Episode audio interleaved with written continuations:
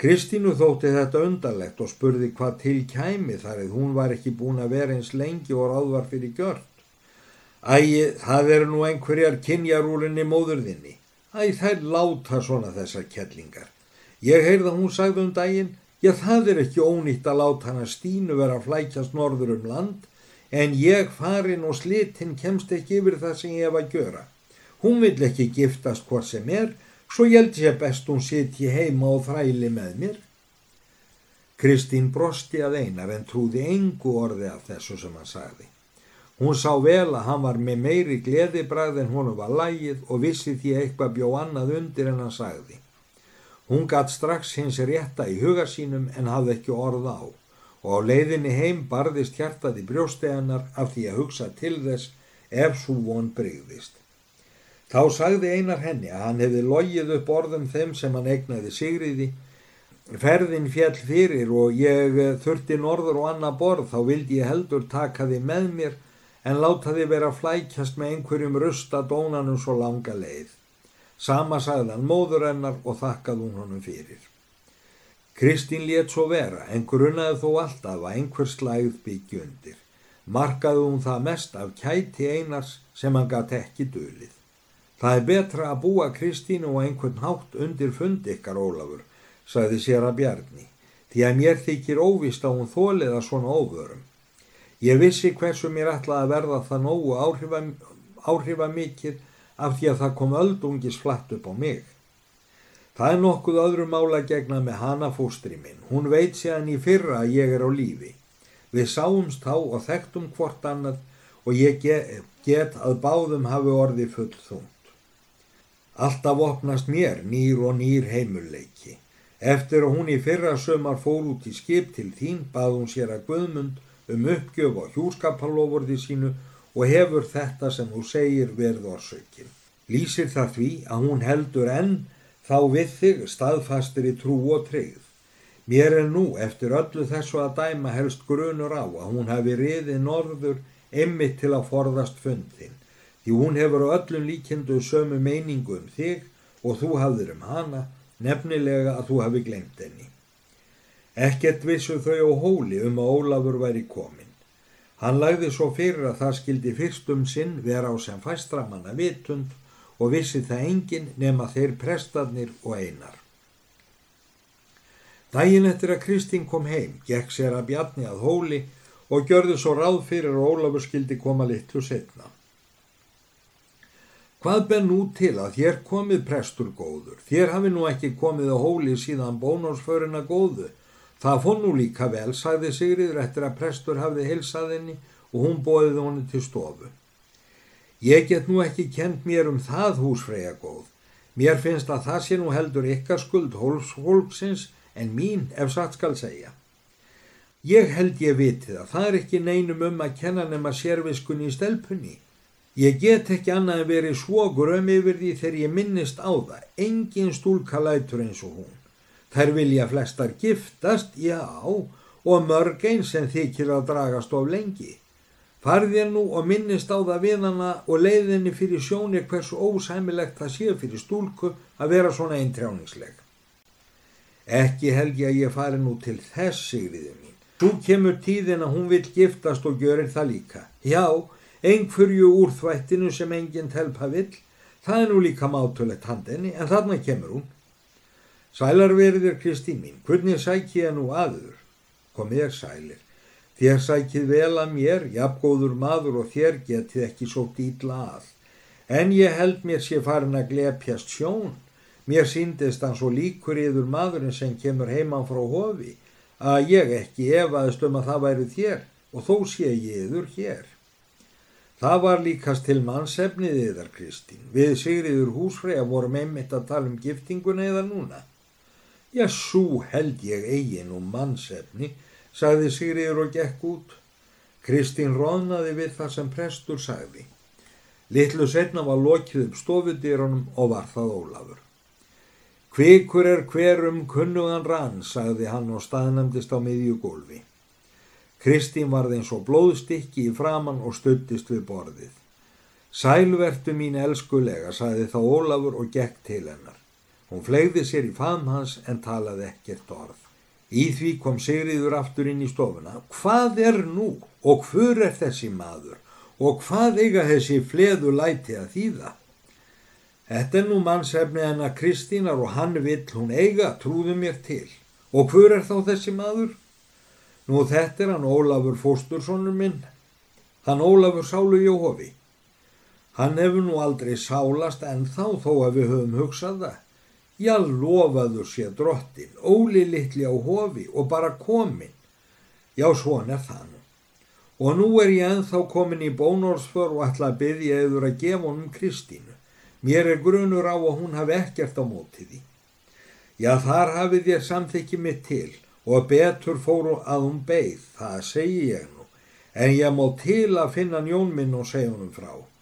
Þegar Jón kom, sagði prestur honum hvernig ástatt var.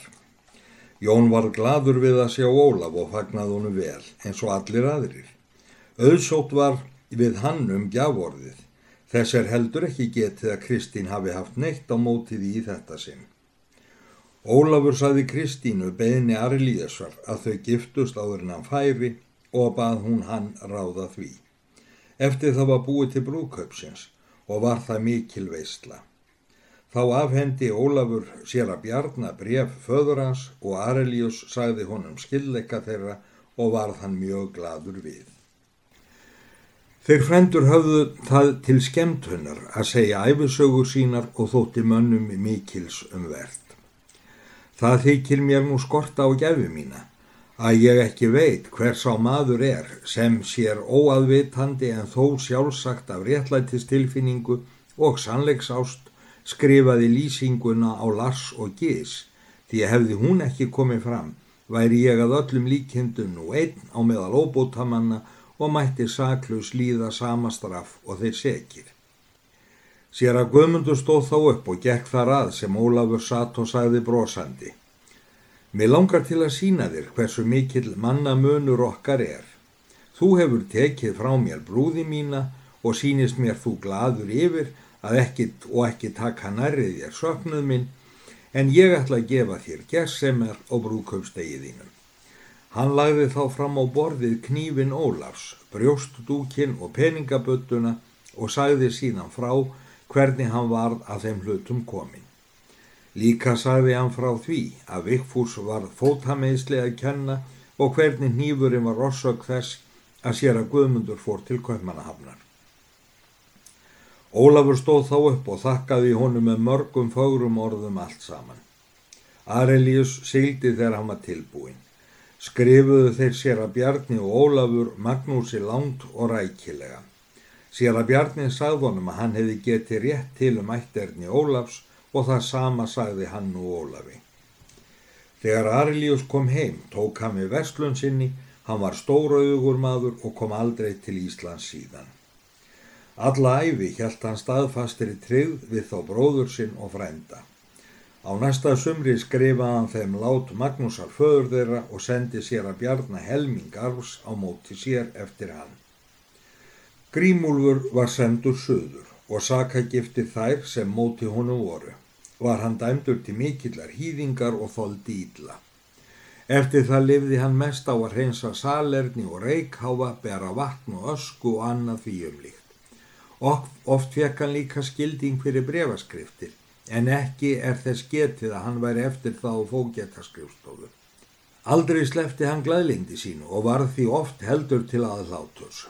Móruðan hund egnaðist grímúlfur og kallaði Vigfús.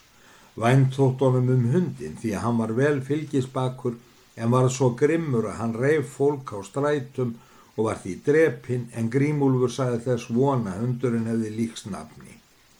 Ekki er þess getið að Grímúlfur kongaðist en eina dóttur barna átti hann og er frá honum komin svo kölluð fjósaröð sætt.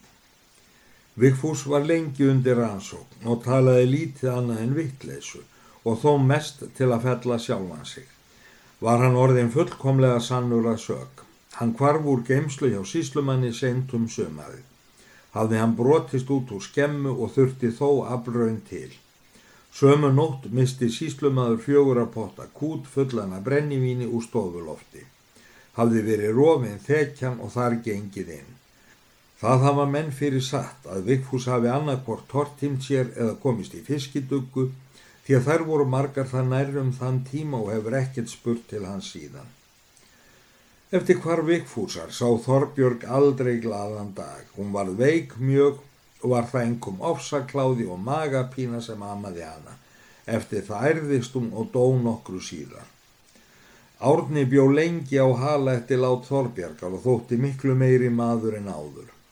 Hann helt sér bústýru og vinnuhjú og hafði öll ráð sjálfur. Styrbjörn prestur í dal andaðist um þetta leiti og sótti sér að guðmundur um það brauð eftir áækjan sér að bjarna og var honum veittur dalur. Hann var ókventur alla æfi og þótti jafnan hinn vænsti maður. Sveitn maður önnu, móður Ólafs, var og sálaður þegar hér var komið sögunar og kvongaði sér að bjarni önnu. Hann var eins og ungur í annarsinn eftir það að Ólafur kom. Þau bjöku saman til elli og voru orðin stórrík. Einar rásmaður var allra karla elstur og var á hofi þar til sér að bjarni dó. Þá fór hann til Ólafs og deyði hjá honum rúmt týræður og hafði þá verið mörg ár blindur. Ekki að síður annaðist hann búið að hofi, svo engin hlutur mátti vera á öðrum stað en hann sagði fyrir. Nokkrum árum eftir að þau Ólafur giftust andaði Sigriður og hofi. Brá Jón þá búi og tóku þau Ólafur við öllu saman. Var þar mikill auður í löndum og lausum aurum. Hafði Jón þá fyrir nokkrum árum tekið arf eftir Þorvald bróður sinn. Ólafur helt spurnum fyrir hvort er grímur og björn væri á lífi og frétti hann að svo var. Hann skrifaði þeim þá og sagði afturkomu sína. Næsta ár kom grímur austur og var á hóli með Ólafi mörg ár eftir það. Ólafur gatt komist eftir því að Vigfús Gissurarsson sem afi hans sagðunum frá var fadir Þorbjarkar og hafði hann á degjanda degi gjört í áttningu að honum væri að kenna grunursá sem Magnús varð fyrir um stöldin.